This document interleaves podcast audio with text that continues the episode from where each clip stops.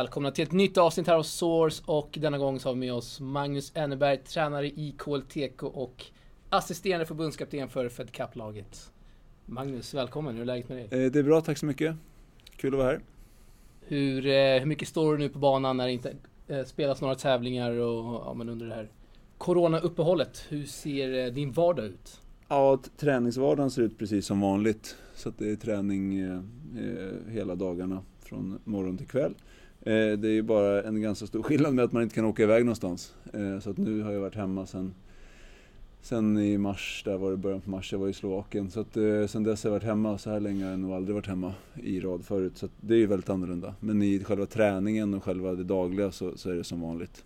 Är det någon abstinens eh, som du känner av att inte kunna resa och åka ut på tävlingar? Ja, det, det är väldigt annorlunda men eh, jag försöker leva efter eh, fotbollstränaren Jan Anderssons devis att det vi inte kan påverka ska vi inte slösa någon energi på. Så vi bara tar det dag för dag och gör det bästa vi kan av situationen. Bra, bra ord. Eh, vi kör igång en faktaruta här. Fullständigt namn? Eh, Claes Magnus Enneberg. Bor? Jag bor i Liljeholmen i Stockholm. Ålder? Jag är 37. Intressen utanför tennis? Eh, ja, det, det, är väldigt mycket tennis eh, som, som är mitt eh, fokus i livet. Jag, jag följer även eh, IFK Norrköping i fotboll. Det är väl egentligen det intresset jag har utöver tennis. Hur mycket följer du dem? Jag, jag försöker se alla matcher de spelar. Och sen följer jag liksom laget lite med träning och sånt där i sociala medier. Det är kul. Om du skulle fått göra om din tränarresa, vad hade du då gjort annorlunda? Ja, det är ju väldigt många saker man hade gjort annorlunda men eh, det är svårt att ändra på det nu utan jag försöker bara lära mig av alla tokigheter man har gjort genom åren och försöker se det som lärdomar. För det, det kan vara tufft att tänka vad man borde ändrat hela tiden utan det är bara att försöka lära sig av det och, och blicka framåt istället. Eh, tränare mentor som eh, betytt mest för dig? Eh, ja, det är väldigt, vi har haft turen att ha, känna väldigt många duktiga tränare och ledare som har hjälpt mig genom åren. Så att det, det, är väldigt, väldigt många personer. Men i början på min tränarkarriär, precis när jag började eh, jobba som tränare, så hade jag Johan Hedsberg som tennistränare under några år när jag var junior. Eh, han hjälpte mig otroligt mycket med mitt spel. Det kanske inte alla känner till det, men folk tror att Hedsbergs meriter med Davis Cup och sådär, det är det stora för honom. Men att han lyckades få mig att kunna sätta bollen i banan, det är faktiskt hans största merit. Eh, för han, han var fantastiskt duktig och hjälpte mig från att jag var runt 15 i mitt spel. Och sen eh, när jag skulle börja jobba som tennistränare så, så sa han det till mig att om, om du vill satsa på det här yrket, då måste du lära dig grunderna och eh, då, då behöver du gå på GH, eh, deras tränarutbildning där eller någon form av utbildning på GH för att liksom lära dig sakerna eh, från start. Så att, tack vare det så, så kom jag in på GHs tränarutbildning när jag var 21 kanske någonting där och det, det hjälpte mig otroligt mycket i min tränarkarriär att jag fick en, en bra grund där. Så att Hedsberg är ju en väldigt stor eh, inspiration och, mentor för mig från när jag var yngre. Och sen måste jag även nämna Peter Reimer där som eh, jag hade som tränare eh, kort tid på tennisgymnasiet men sen som jag jobbade tillsammans med i början på mitt när jag jobbade, jobbade som tränare så drev han och jag och Erik Ullsten eh, sommarläger tillsammans. Eh, och då fick jag jobba med Peter Reimer hela sommaren och han är ju en tränare som har en otrolig kunskap. Han är en av de mest kunniga som, som jag känner och att få jobba med honom mina första år som tränare gav mig väldigt mycket inspiration med att liksom man hela tiden ska försöka ta in ny input och gå olika utbildningar och testa olika saker och hela tiden försöka komma på nya sätt och, och göra träningarna bättre. Så att eh, det är många som har hjälpt mig genom åren men, men i början på karriären så var det ju Hedsberg och, och Reimer som, som satte fart på, på mitt tänk. Kul. Eh, svensk tennis största utmaning enligt dig? Eh, ja, det är ju, om vi, nu pratar vi, jag tänker, du tänker mot elit då? Ja, eh, precis. Det, det är det vi pratar här. Ja, det, det finns Eller ju... kan vara egentligen vad du ja, nej, men, tolkar i frågan. Ja, men om vi tänker från någon slags elitperspektiv, för det är Ja. ofta det man pratar om kring svensk tennis. Även om svensk tennis är mycket mer än bara elit, så tänker jag att eh, det finns ju flera saker man kan ta upp där och man kan ju prata om eh, att vi kanske måste vara ännu bättre i kvalitet i träningen när barnen är yngre. Att eh, när barnen är små att de får väldigt bra kvalitet i sin träning så att eh, vi sätter bra grunder i deras tenniskunnande. Och sen är det ju hela vägen upp till att det finns bra tävlingar för dem att spela, bra matcher att spela så att det blir bra eh, utmaning i alla matcher så att matcherna blir så bra som möjligt. Och sen att det finns ekonomi och support som gör att man kan tävla mycket internationellt när, om man är på den nivån så att säga nationellt, att man behöver tävla internationellt, att man då får stöttning och hjälp ekonomiskt och att man har möjlighet att få med sig ledare så att vi kan tävla i de miljöerna där, där vi vill vara. Så det, det finns många stora utmaningar och det är det som gör det så spännande. Kul! Eh, din största utmaning just nu? Ja, det är som alltid, det handlar ju om tid. Alltså man vill ju göra tusen grejer. Man håller på med något eh, taktikprojekt och gör statistik och uträkningar på det och det är någon teknikgrej man vill titta på och filma och hålla på. Och, så det är tid, eh, tiden hela tiden. Att man hinner göra allt. Man vill sitta individuellt och prata med spelarna och diskutera saker. Man vill samtidigt stå på banan hela tiden och köra. Man vill gå kurser eh, för att bli en bättre tränare och samtidigt så att, eh, ja, och sen eh, har man eh, fru och två barn som är väldigt viktiga för mig som jag vill spendera tid med också. Så att det är, det är mer tid. Det är min största utmaning. Hur, eh, hur kan en vanlig dag för dig se ut?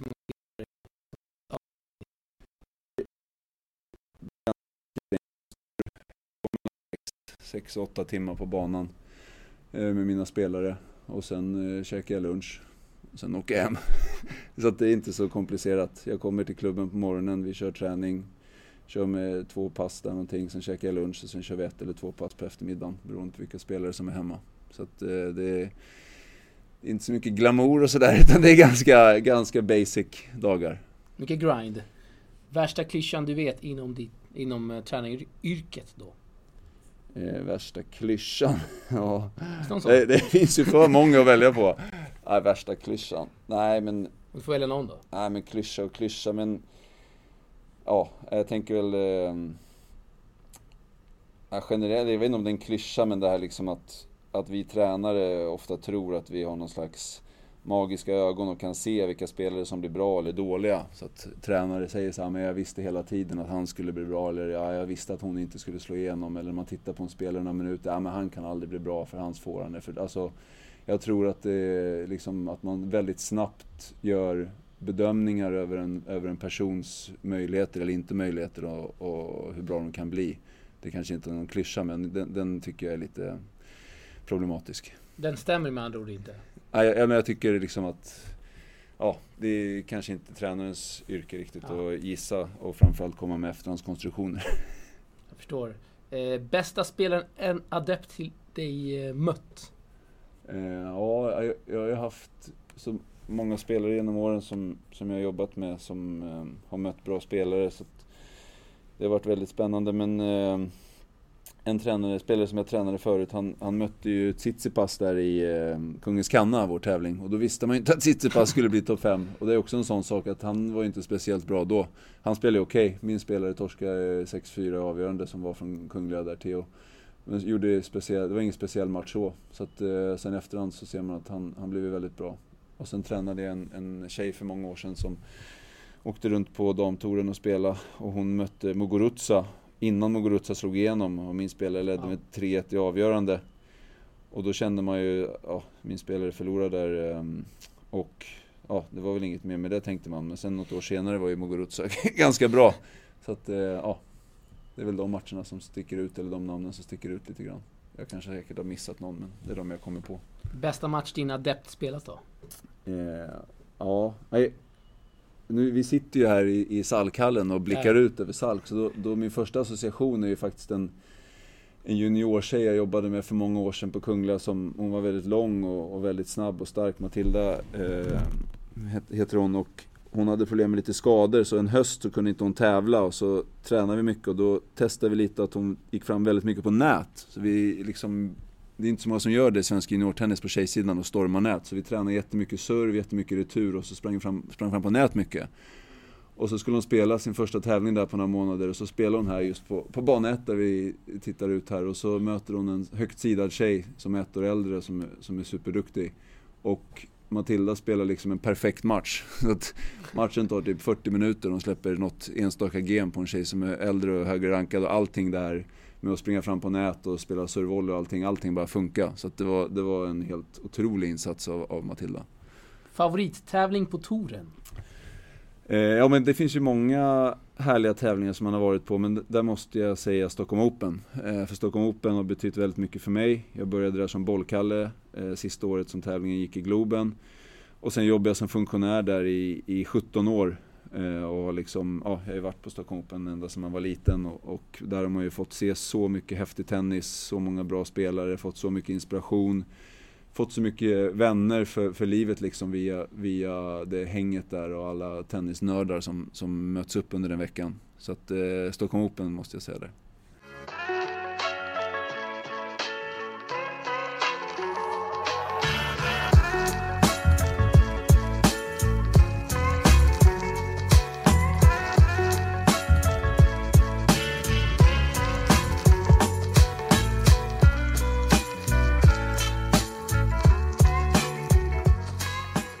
Fråga dig eh, Magnus, hur, eh, hur kom det sig att det blev just tennis för din del? När startade allt? Och hur startade allt? Eh, jo, ja precis. Nej, men jag, jag är uppvuxen i, i, i Ella Gård i Täby som ligger norr om Stockholm. Och där finns det en liten tennisklubb som, som ligger 200 meter från min mamma och pappas eh, hus. Så att jag började spela där, min pappa spelar tennis. Han tävlar i tennis och min mamma spelar motionstennis så, att, så att det var liksom tennis som eh, var ganska naturligt att spela. Så då började jag lira tennis i Ella Gård när jag var liten och ja, jag gillar tennis ganska tidigt. Så det var mycket tennis och sen spelade jag fotboll också. Eh, sen när jag var 10-11 år så bytte jag till Nässjö Parks Tennisklubb som ligger också i Täby för det fanns lite mer tävlingsinriktning där. Sen när jag var 15 år så um, la jag ner uh, fotbollen, jag fick problem med, med, en skada där så då körde jag bara tennis och då kom Hedsberg in i bilden i Nässjö Park så då, då gick jag all in och, och liksom försökte bli så bra som möjligt i tennis. Och sen eh, när jag var 18 år så flyttade jag till Kramfors Tennisgymnasium för jag ville tävla mer och det gick inte i den skolan jag gick i, i Stockholm. Så då gick jag, hade jag tränat vanligtvis ett pass per dag, så började man tennisgymnasium och man kunde träna obegränsat. Så att jag började där i andra året i gymnasiet i januari. Och efter två månader var jag helt trasig för jag körde fruktansvärt mycket träning. Så det var inte så smart gjort. Så efter det så var karriären, ja karriär och karriär, men det mitt egna spelande var i alla fall över där. Eh, och så riktade jag in mig på, på tränaryrket. Och jag kände ganska tidigt att jag gillade att vara tränare.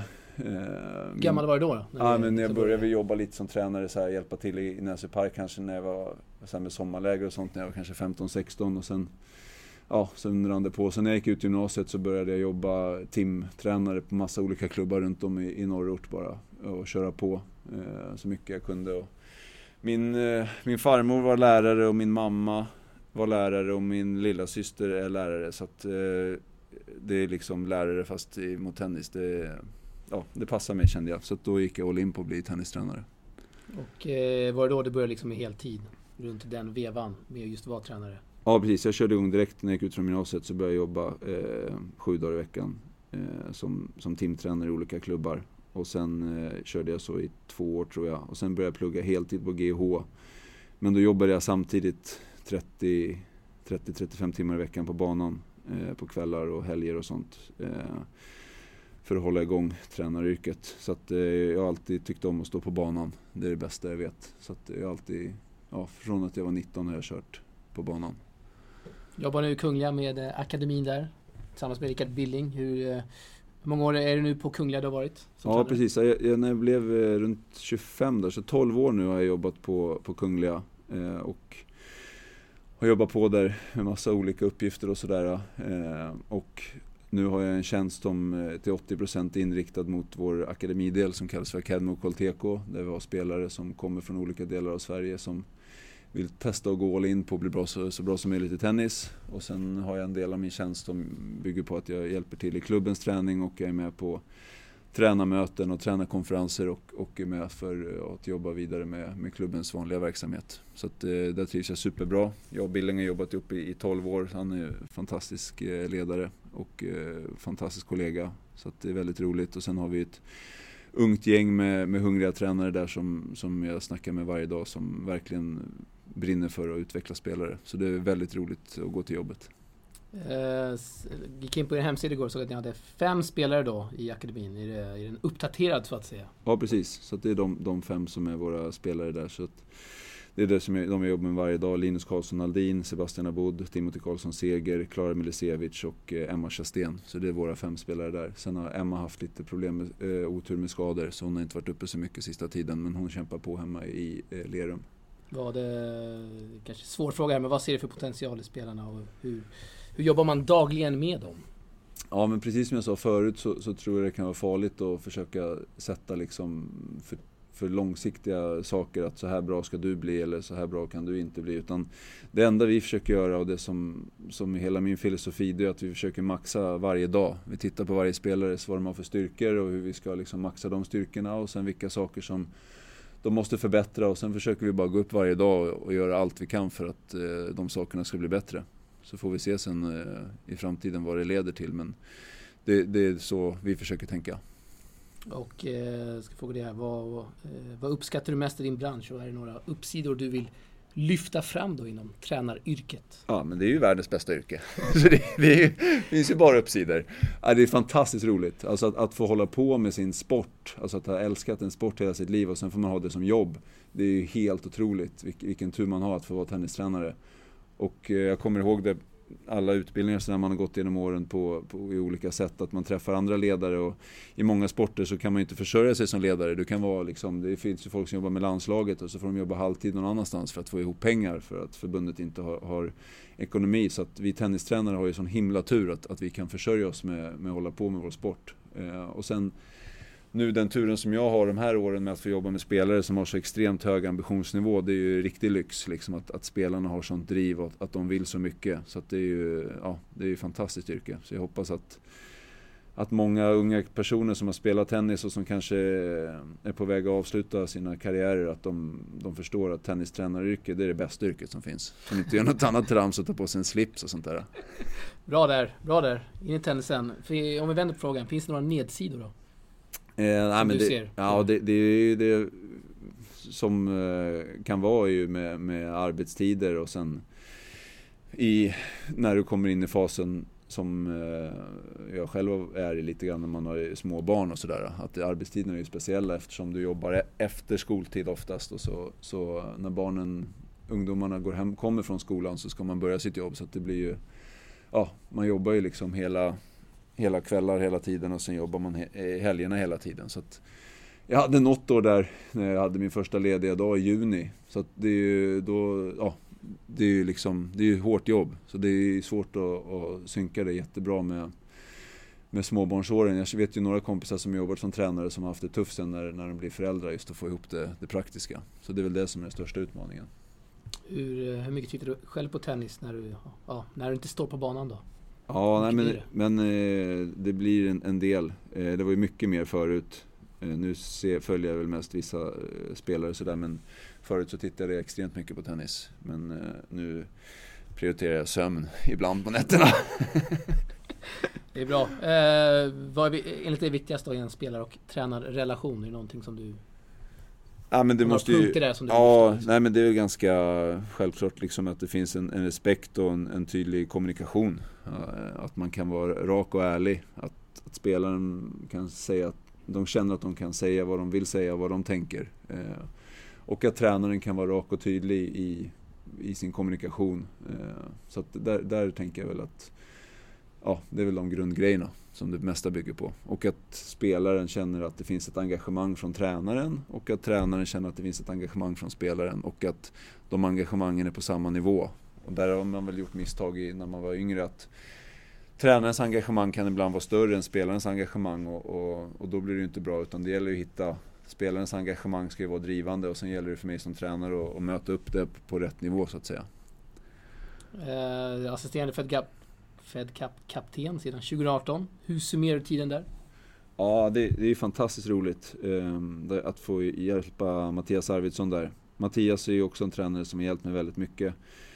Jag hade några år när jag jobbade med en tjej som heter Hilda Melander som, som eh, jobbade med på damtouren så jag fick åka runt lite grann med henne och, och träna henne i, i många år sådär och då tränade ju Mattias och Johanna Larsson samtidigt så då hade jag väldigt mycket kontakt med Mattias och han är ju fantastiskt duktig så att eh, att få jobba med honom är, är väldigt inspirerande och väldigt eh, bra för min eh, utveckling. Jag lär mig mycket saker och sen är det väldigt roligt, de, de tjejerna som har varit med i laget där är ju sådana tjejer som jag har känt sedan de varit små. Jag har haft dem kanske på olika landslagsläger eller olika resor och liksom eh, att få vara med dem nu när de är proffs och träffa dem den här veckan och, och liksom supporta dem och försöka få dem att spela så bra som möjligt under den veckan. Det är väldigt roligt och det är också väldigt spännande för tränaryrket har ju så många olika dimensioner att om, om du jobbar med liksom minitennis och du får in 20 stycken sjuåringar på banan så ska du försöka hålla dem igång med entusiasm i en timme. Och sen kanske du jobbar med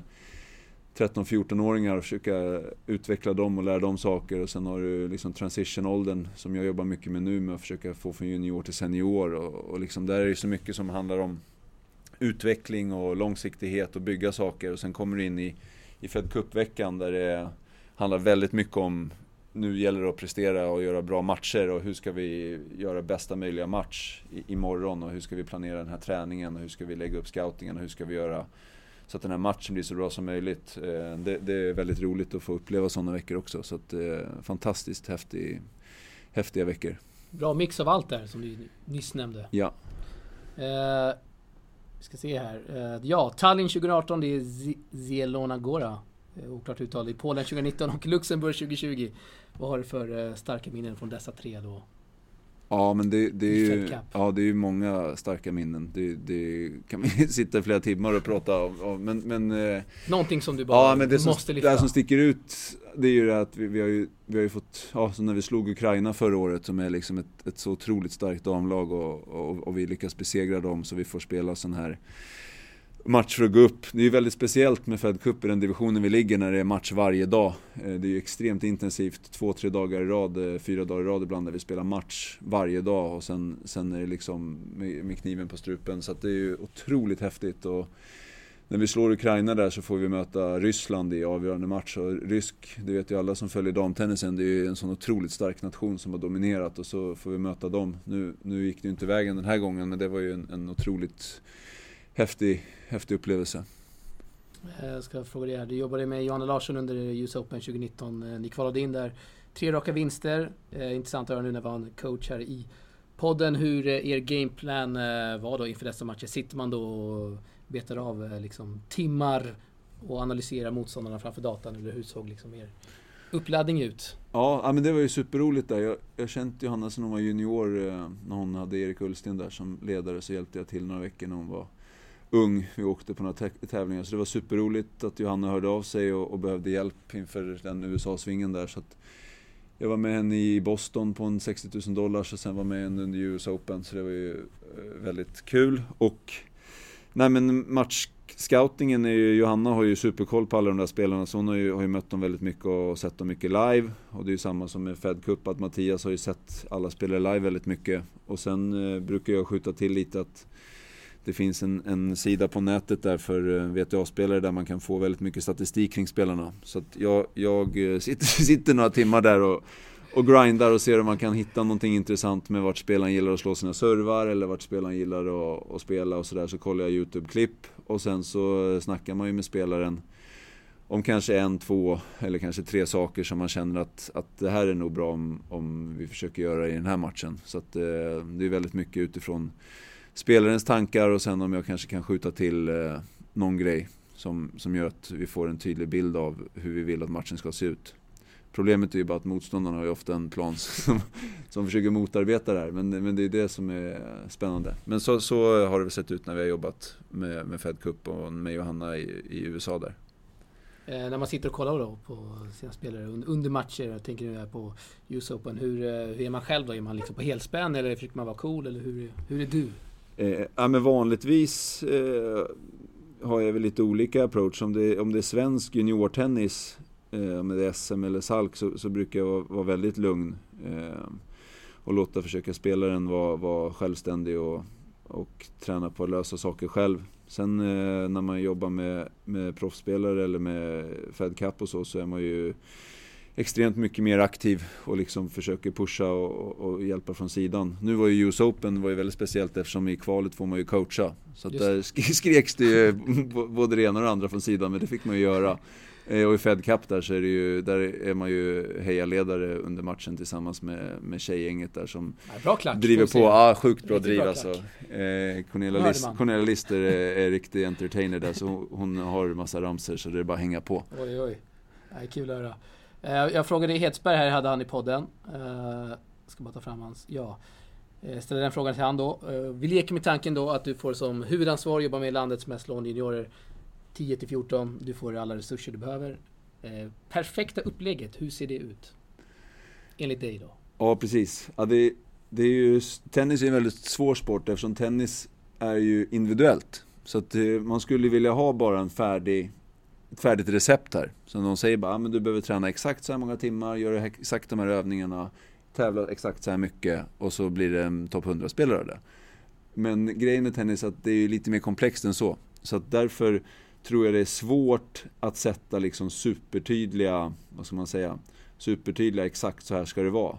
Eh, däremot tänker jag ju att om vi pratar 10 till 14, då tror jag ju väldigt mycket på att att vi som tränare, att man kan ha samma tränare på väldigt stor andel av passen så att tränaren har möjlighet att skapa en långsiktighet i planeringen. Så att det inte är för mycket hattande runt, att man, man, man byter runt mellan olika tränare eller byter eh, filosofi hur man jobbar. Eller, utan att det finns liksom en tydlig, en tydlig som styr spelarens utveckling. Och sen är det ju massa andra folk som, som hjälper till, men jag tror att det är bra att någon har, har lite koll och har en långsiktig plan. Eh, så att man jobbar med, med liksom teknisk, taktisk, fysisk, mental utveckling i, i steg för steg. Och att man gör det utifrån varje individs behov och vad, vad som man tror är bäst för den spelaren. Så ja, att, att man, det finns möjlighet för tränare att följa en spelare över tid. Det tror jag är nyckeln. Eh, du har varit ute mycket såklart under tävlingar. Är det någonting som sticker ut då från eh, junior internationellt med våra svenskar skulle du säga?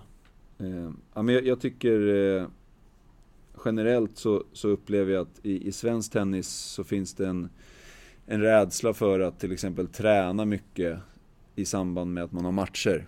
Att det finns en, en form av tänk att ja, men jag, jag får absolut inte vara trött på matchen. Så jag, jag, tränar inte dagen innan eller jag tränar inte dagen efter. Eller alltså jag tränar inte under dagen för jag, jag måste liksom spara mig till mina matcher.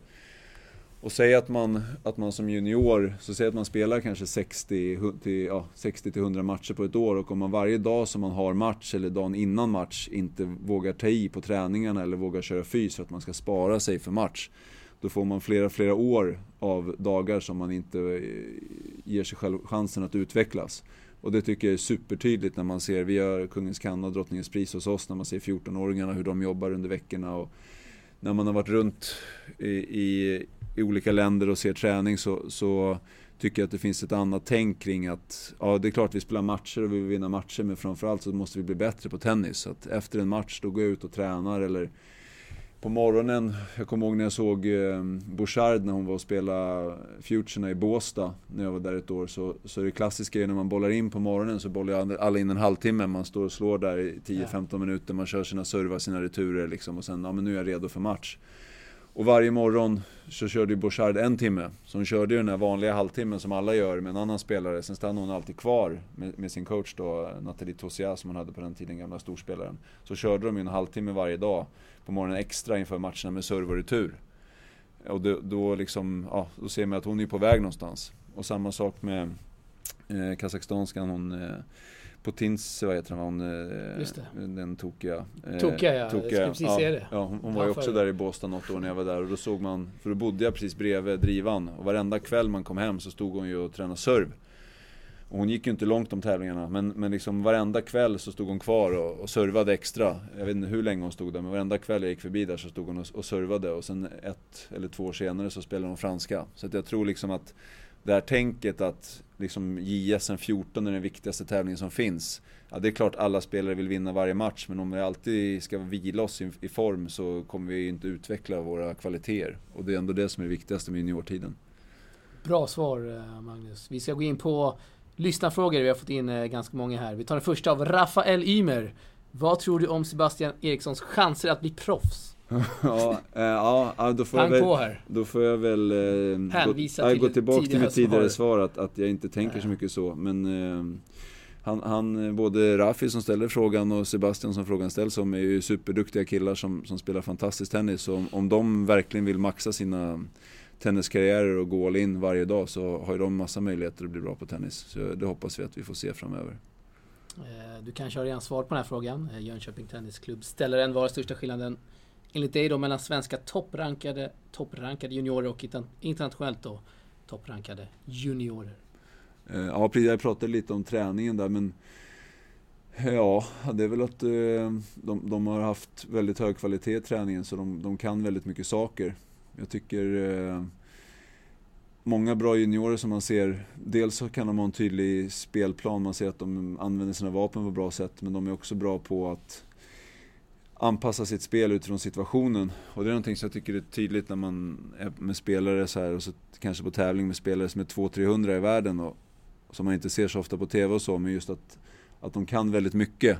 Att de, de kan vid behov spela slice, de kan vid behov komma fram på nät och det kanske inte är deras, deras eh, A-plan i, i hur de spelar men de har den, de kvaliteterna, de har lärt sig de sakerna från de yngre. Så att det är väl att det finns en tydlig spelplan tycker jag med de bästa juniorerna plus att de kan väldigt mycket om, om de behöver anpassa sitt spel. Johan Widenmark, vad är drömmen med ditt tränaryrke? Ja, Kanske lever drö- den drömmen just nu? Eller? Ja, ja, men jag, jag eh, inspireras väldigt mycket av olika så här, böcker och sånt som jag läser och sådär. Och, och jag läste någonstans, jag glömmer ofta bort vad jag läser saker och ting, men jag, jag gillar det här tänket att, att försöka vara väldigt mycket i nuet. Det har vi lärt oss nu med Corona om inte annat. Det är dumt att planera för mycket framöver för det kommer ändå något virus och förstör allting. Så det är bättre att försöka vara i nuet. Så att jag, jag tänker att att jag försöker maxa det jag gör varje dag. Att det, det är liksom, drömmen är att, att göra mitt bästa varje dag och njuta av att varje, varje dag. För jag tror också att om man, om man sätter upp för mycket saker som är långt bort och sådär så tror jag man, det är lätt hänt att man tappar bort sig i det. Och tänker att det där ska hända om tre år eller om fem år eller liksom så. Utan jag, jag tycker det passar bättre för, för min, mitt tänk och min mentalitet att bara när jag vaknar på morgonen så tänker jag nu ska vi köra max den här dagen. Och sen när man går och lägger sig på kvällen så tänker man att det var en härlig dag. Eh, Det, det tycker jag passar bättre. Eh, Linus Eriksson, eh, är det viktigt att man som tränare till elitjuniorer är ute på tävlingar och ser dem spela match ofta? Ja, Ja, det tycker jag verkligen. Och, och där tycker jag att man som tränare, liksom oavsett vilken nivå av spelare som man jobbar med och sådär, så tänker jag att man alltid ska försöka blicka lite mot nästa nivå. Så att om, om man jobbar med spelare som kanske går till liksom kvartsfinaler i RM, att man kanske åker och tittar på finalen i RM och försöker titta, okej, hur, hur, vad är det mina spelare behöver göra för att kunna vara bäst i regionen? Och sen att man kanske, ja men nu går det bra i regionen, vad, vad är det som krävs för att kunna bli bäst i, i Sverige? Om man har spelare som har den ambitionen, så att man vet lite vad som är nästa nivå. För jag tror det är svårt att, om man inte vet vad som är nästa steg, att, att veta hur man ska kunna hjälpa spelarna på rätt sätt. Och där tänker jag ju också att, att ju, ju bättre koll man har på, på nästa nivå, desto, desto mer kan man hjälpa sina spelare och desto mer inspirerad blir man i sin träning. Jag tror det finns en risk att det är lätt att bli hemmablind. Att om jag går på min, min eh, klubb med mina spelare varje dag och så ser man dem i träning. Då är det lätt hänt att man tänker att ah, men, oj vad bra det går för den här spelaren. Han spelar verkligen fantastiskt bra.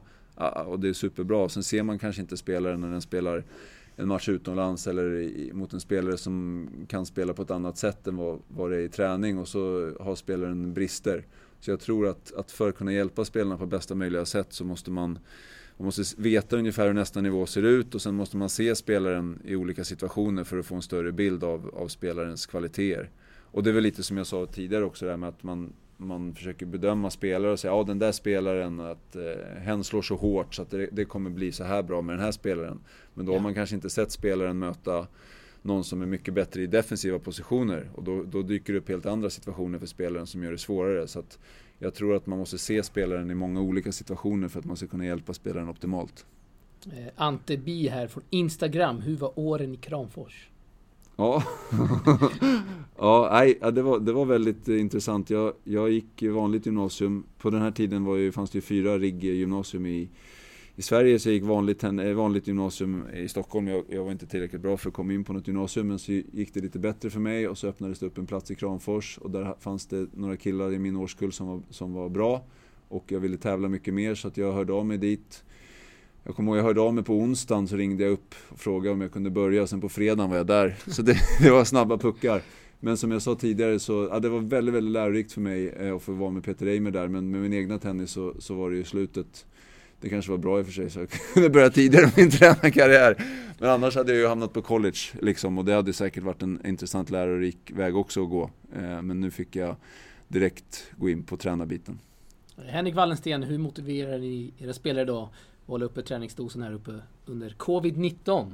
Ja, det är, en, det är en intressant situation som uppkommit där. Så att vi testat en period att, att vi vände på det några veckor så att, att spelarna la upp eh, veckorna. Vanligtvis så, så mm, styr jag ungefär hur veckorna ser ut i, i diskussion med spelarna men att, att jag lägger mycket träningar och sådär utifrån diskussioner. Men sen så vi vände på det några veckor så att spelarna själva fick lägga upp träning exakt hur de ville för att de skulle känna att de, om de ville träna mindre så tränar vi mindre, vill de träna mer tränar vi mer. Så att de, de fick bestämma lite själva och sen har vi försökt byta miljö lite så vi har varit här på Salk mycket och kört med eh, Tennis Stockholms träningar och vi har haft sån otrolig tur och att eh, killarna har fått köra med Elias Ymer och Micke Ymer och där, det är också sånt hur, hur, viktigt det är att få se på nästa nivå både för, för spelarna och för mig som tränare så att man, man får eh, inspiration och lärorika grejer där. Och det är någonting som jag tycker liksom alla, alla spelare och tränare som är i Stockholmsregionen här när, när Corona lugnar ner sig att, att man hör av sig här till, till Salk och kollar med, med Kalle Norberg om man kan få komma och titta på träningar så att man ser liksom högsta nivån för, eh, och sen för att få den inspirationen. Eh, nej, men så att vi har försökt variera mycket, eh, så mycket som möjligt. Nu blir det lite ny energi igen när vi kommer ut på gruset men ja, det, det, är en utmaning men vi hoppas att, att det går att lösa på något sätt tävlingar i sommar. Vi får se vad som händer. Det var igår och kollade lite när ni tränade där i kungliga fina grusbanor. Eh, ja, det, var härligt, det är härligt att komma ut på, på gruset. Jag älskar ju grustennis, det är min favorit. Jag tycker det är bäst för spelarutvecklingen och jag tycker det är de ja, häftigaste duellerna och häftigaste spelet. Och, ja, så det, eh, det, är riktigt kul att, att vara igång på gruset. Eh, Johan Porsborn här, sista frågan. Vad har ja. du ändrat i din syn då på ditt coachande de senaste 10 15 åren? Uh, ja, men, men uh, bra fråga från Porsborn för övrigt. Nej, men, men jag, jag, tänker någonting som jag har förändrat, för, det är kanske inte de sista 10-15 men de senaste åren nu, det är att, att jag är mycket, mycket rakare och tuffare i min kommunikation med spelare. Så att jag, jag, jobbade väldigt mycket med yngre spelare förut. Jag hade många år där, där jag stod och, och grindade med, med väldigt unga spelare eh, minitennis och liksom under 14 och sådär. Och, och, då är det lätt hänt att, att man blir väldigt snäll eh, i sin stil. Men sen nu när man jobbar med äldre spelare och sådär så, så tror jag att man måste vara mycket rakare eh, i sin kommunikation. Och har, har spelaren eh, sagt att de har höga mål och, och saker och ting inte håller den kvaliteten i, i träningen så, så tror jag på att man måste vara eh, rak och tuff. Och det är någonting som jag har förändrat lite grann de senaste åren. Eh, Magnus, vi eh, är nästan klara med avsnittet. Jag är inne och kikar på din Instagram här eh, som du precis har öppnat, eller det är några veckor gammalt va? Eh, kanske kan vi få in 200 följare efter det här avsnittet, vi får se. Men jag ser att du lägger upp mycket om poddar och sånt. Eh, kanske du kan ge några tips här på eh, poddar man ska lyssna på? Ja, jag, jag, Våra lyssnare. Ja, men, men eh, jag tycker det är så otroligt intressant att hela tiden tänka på samma sätt som man tänker som spelare, så här, hur, ska, hur ska en spelare bli bättre? Att, att jag som tränare tänker, hur, hur ska jag bli bättre hela tiden? Vad ska jag göra för att kunna veta mer om teknik, veta mer om taktik, kunna bli bättre på att kommunicera. Liksom. Hur, hur blir jag bättre? Så då har jag ju, ja, också i samband då med de här att jag börjar på GH och, och gått utbildningar eh, genom åren efter det också, så har man ju fått, fått ett tänk att det, det är bra att ta input från Eh, böcker eller från forskning eller från eh, poddar då som är det här nya mediet då. Så att, att jag lyssnar ju väldigt mycket på sådana här grejer och läser väldigt mycket saker och sen eh, har jag ju tränare runt om i Sverige som jag brukar kommunicera kring det här med i olika sms-grupper och sådär och diskutera det och sen Sen fick jag någon idé nu i samband med Corona när jag var som mest uttråkad eh, någon kväll där jag tänkte att det, det här kan jag lika väl lägga upp liksom öppet om det är någon annan. Det kanske finns några andra nördar ute i tennis-Sverige som eh, tycker sånt här är intressant och då kanske jag kan inspirera till eh, någon annan tränare eller spelare att lyssna på mer poddar och sådär. Så att, eh, ja, men jag tycker ju... Det är bra grejer får vi säga. Ja, men jag, jag tycker det är um, The Learner Lab om hur man lär sig saker är ju fantastiskt bra. Eh, med Trevor Reagan där som, som har en väldigt bra hemsida som heter Train Ugly också med korta filmklipp som, som sammanfattar forskning på ett bra sätt. Och sen är det de här tennispoddarna som, som alla känner till eh, med Adam eh, Blitcher och Functional Tennis och de där. Det är de här som alla lyssnar på. Och sen ibland kan det vara bra att gå utanför tennisens värld och, och lyssna på lite andra grejer. Så att, eh, ja, jag försöker hålla mig uppdaterad och, och, och sen ibland så lyckas jag lägga upp någonting där i mitt flöde. kan det bli så att du kommer dela eh, lite grejer i din story också eller? Lite såhär klipp som aj. Eh, andra coacher gör. Jag vet inte, jag, jag, har inte riktigt kommit upp till den, den nivån Kanske riktigt eh, på, på Insten. Men, men, Kanske eh, kommer. Ja, där kan man väl säga generellt så jag var lite sen minst, det är väl kanske inte Bättre sent än aldrig. Ja, sent än aldrig. Men, men sen har jag lite generellt också det här om man kan, det, det fenomenet om man kallar det Instagram-coacher eller YouTube-coacher att att för mig är ju liksom tränaryrket är ju inte att lägga upp någon finurlig övning med någon konstig grej som ska vara helt revolutionerande för hur man lär ut en backhand. Eh, utan tränaryrket för mig är ju att man har en spelare framför sig som, som behöver hjälp med någonting och sen utifrån vad spelaren är i för situation så får man ju försöka hjälpa spelaren därifrån. Eh, det här jag är inte ett superfan av det här äh, coola övningar på Instagram-grejen. Äh, Utan jag tänker att tränaryrket är lite annorlunda än så. Så att, äh, därför har jag varit lite avvaktande med Insta. Så att, jag tror inte du kommer få se mig Insta-story med, med några grejer. Så om jag, eh, om jag kan, eh, om jag förstått det rätt då, så liksom sådana, sådana YouTube-övningar med liksom små kids, det är någonting som du inte gillar alltså? Nej, det, det, kan ju säkert vara superbra. Alltså det är bra med inspiration och många av de där, jag, jag följer det där och tittar på det, så det är klart man blir inspirerad. Men jag tänker att, att ten, tennistränaryrket handlar ju inte om övningar. Alltså så här, vilken övning gör jag eller vad gör jag för ja. övning? Utan det handlar ju om att, att ha en spelare eller en grupp spelare framför dig och tänka vad, vad, är det jag ska försöka förbättra hos den här spelaren. Och där, där eh, var jag på eh, en grej i Paris för två år sedan med, med den här Women's Tennis Coaching Association som hade en konferens där en, en polsk eh, äldre herre berättade om deras upplägg som var väldigt inspirerande just med att utifrån spelarens behov hur kan jag skapa situationer i träningen där jag både tränar teknik, taktik, fysik och mentalt på rätt sätt samtidigt? Alltså hur, hur lägger jag upp det utifrån den här spelaren? Vad behöver spelaren hjälp med? Ja, men det är de här sakerna som spelaren behöver göra.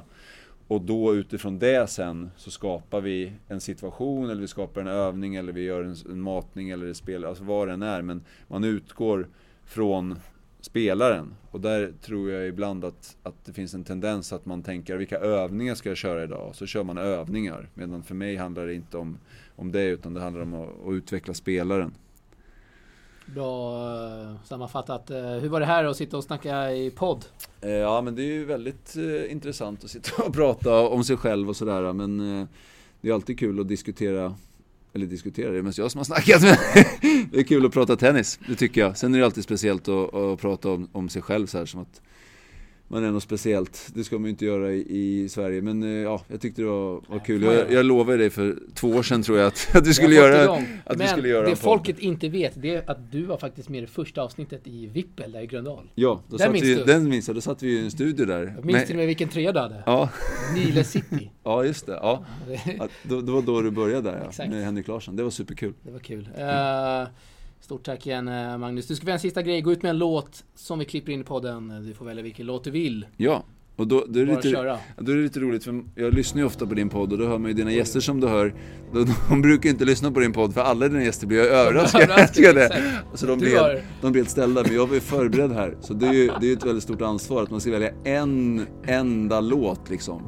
Eh, så att, eh, det, det, är, det är svårt att göra men jag väljer ändå nu när jag är eh, gubbe fullt ut att jag väljer ändå en låt med Tåström, Sveriges enda rockartist. Och där, oj, oj, oj. där kan man ju säga från, från ditt håll, du pratar ju ofta om orten här och liksom ortenrappen. Det här är ju originalorten.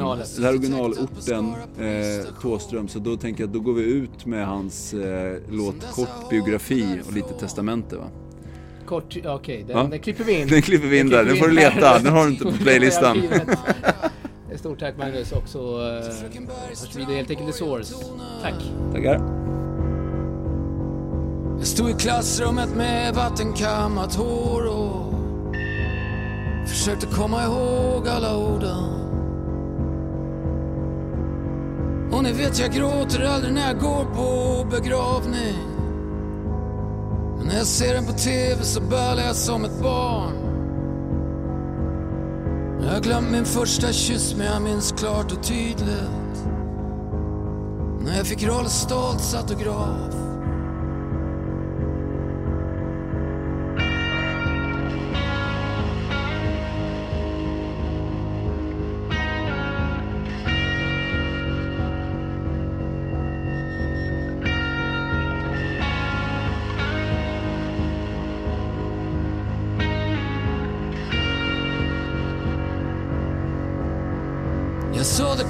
på Stora Hotellet i Örebro.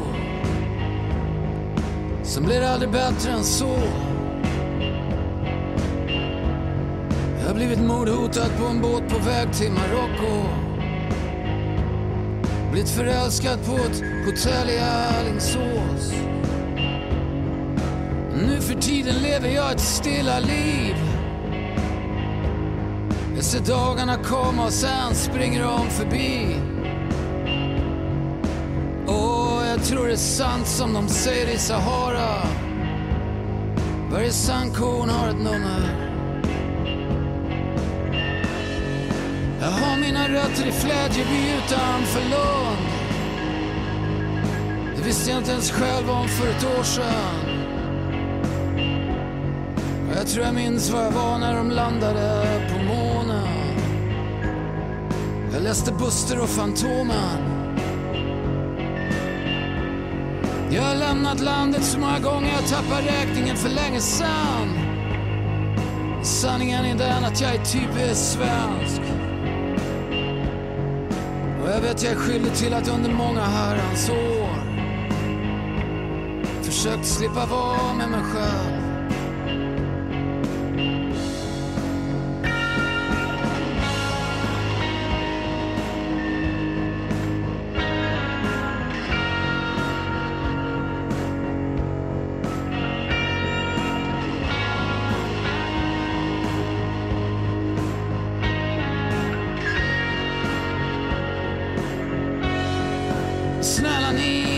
Sen är det dags. När mitt nummer kommer upp. Sen, sen, sen är det dags. När mitt nummer kommer upp. Inte halvvägs ut i Farsta. Inte bland alla tallarna där ute inte halvvägs ut i Farsta Inte halvvägs ut i Farsta Åh